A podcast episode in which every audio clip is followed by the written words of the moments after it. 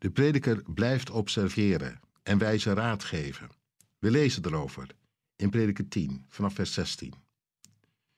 Je bent beklagenswaardig, land, wanneer je koning maar een kind is en zijn raadgever zal in de morgen naar een feestmaal gaan. Je bent gelukkig, land, wanneer je koning een man van adel is en zijn raadgevers alleen op de gepaste tijd naar een feestmaal gaan, zichzelf beteugelen en niet dronken zijn. Luiheid ondermijnt de balken. Door slappe handen krijgt het huis een lekkend dak. Dronkenlappen denken bij hun feestmaal slechts aan hun plezier. De wijn vrolijkt alleen hun eigen leven op. Hun geld staat het ze toe. Maar vervloek de koning zelfs niet in gedachten en de rijken zelfs niet in je slaapvertrek. Want de vogels van de hemel zeggen het voort. Hun vleugels brengen je woorden verder. Je bent inderdaad te beklagen als je daaraan bent overgeleverd. Een koning die nog een kind is, raadgevers die vooral gaan voor het feesten. Onvolwassen en ongeremd gedrag. Je ziet het soms zomaar om je heen gebeuren. Tot in overheden toe. Mensen die verantwoordelijkheid zouden moeten nemen, zijn vooral gericht op zichzelf. Zijn meer een kind dan gerijpt. Moeten hun zin krijgen. En zetten dan alles op alles om dat te bereiken. Koste wat het kost. Grote mensen. Wat kunnen ze soms onvolwassen hun gang gaan met alle gevolgen van dien. Je ziet het vandaag ook om je heen gebeuren. Nee, ik ga even geen, geen namen noemen, want het gebeurt op allerlei verschillende manieren. Het is niet zomaar alleen aan te wijzen bij die of die. Blijkbaar is er een enorme verzoeking.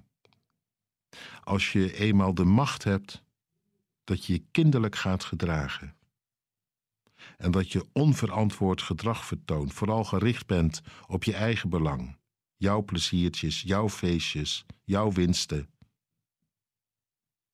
Het gebeurt natuurlijk ook op andere plekken, in het bedrijfsleven.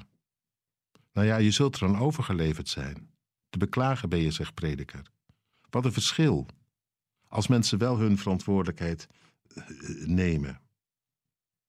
Als ze zich weten te beteugelen als het mensen zijn van adel.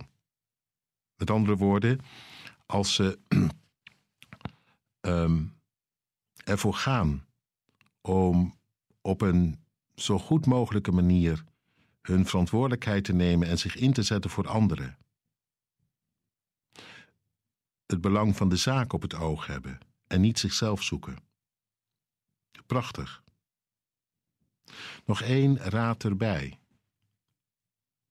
Mocht het zo zijn dat je met mensen te maken hebt waarvan je denkt: hoe bestaat het en die je eigenlijk afkeurt, ga ze dan niet openlijk zitten beschimpen en zelfs niet stiekem weg.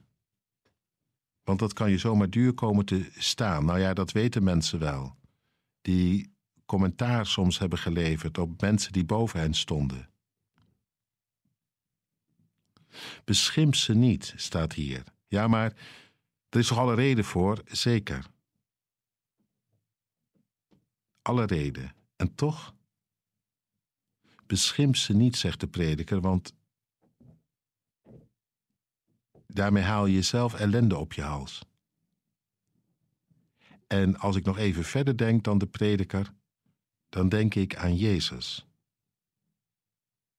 Wanneer is Hij gaan beschimpen? Ik kom het geen één keer tegen. Hij schold niet terug, al had hij alle reden. Omdat hij was overgeleverd aan een koning die zich als een kind gedroeg, aan raadgevers die alleen bedacht waren op hun eigen belang. Het werd zijn dood. En zelfs toen, toen begon hij niet te schimpen en te schelden. Hij bad en bood vrede aan. Nou ja, betekent dat dan dat je alles maar moet laten gebeuren, over je heen moet laten komen? Nee.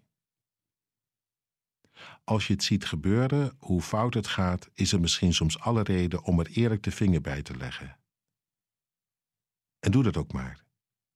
En als dat dan niet geaccepteerd wordt en het kost je de kop, weet dan dat je op het spoor van Jezus zit.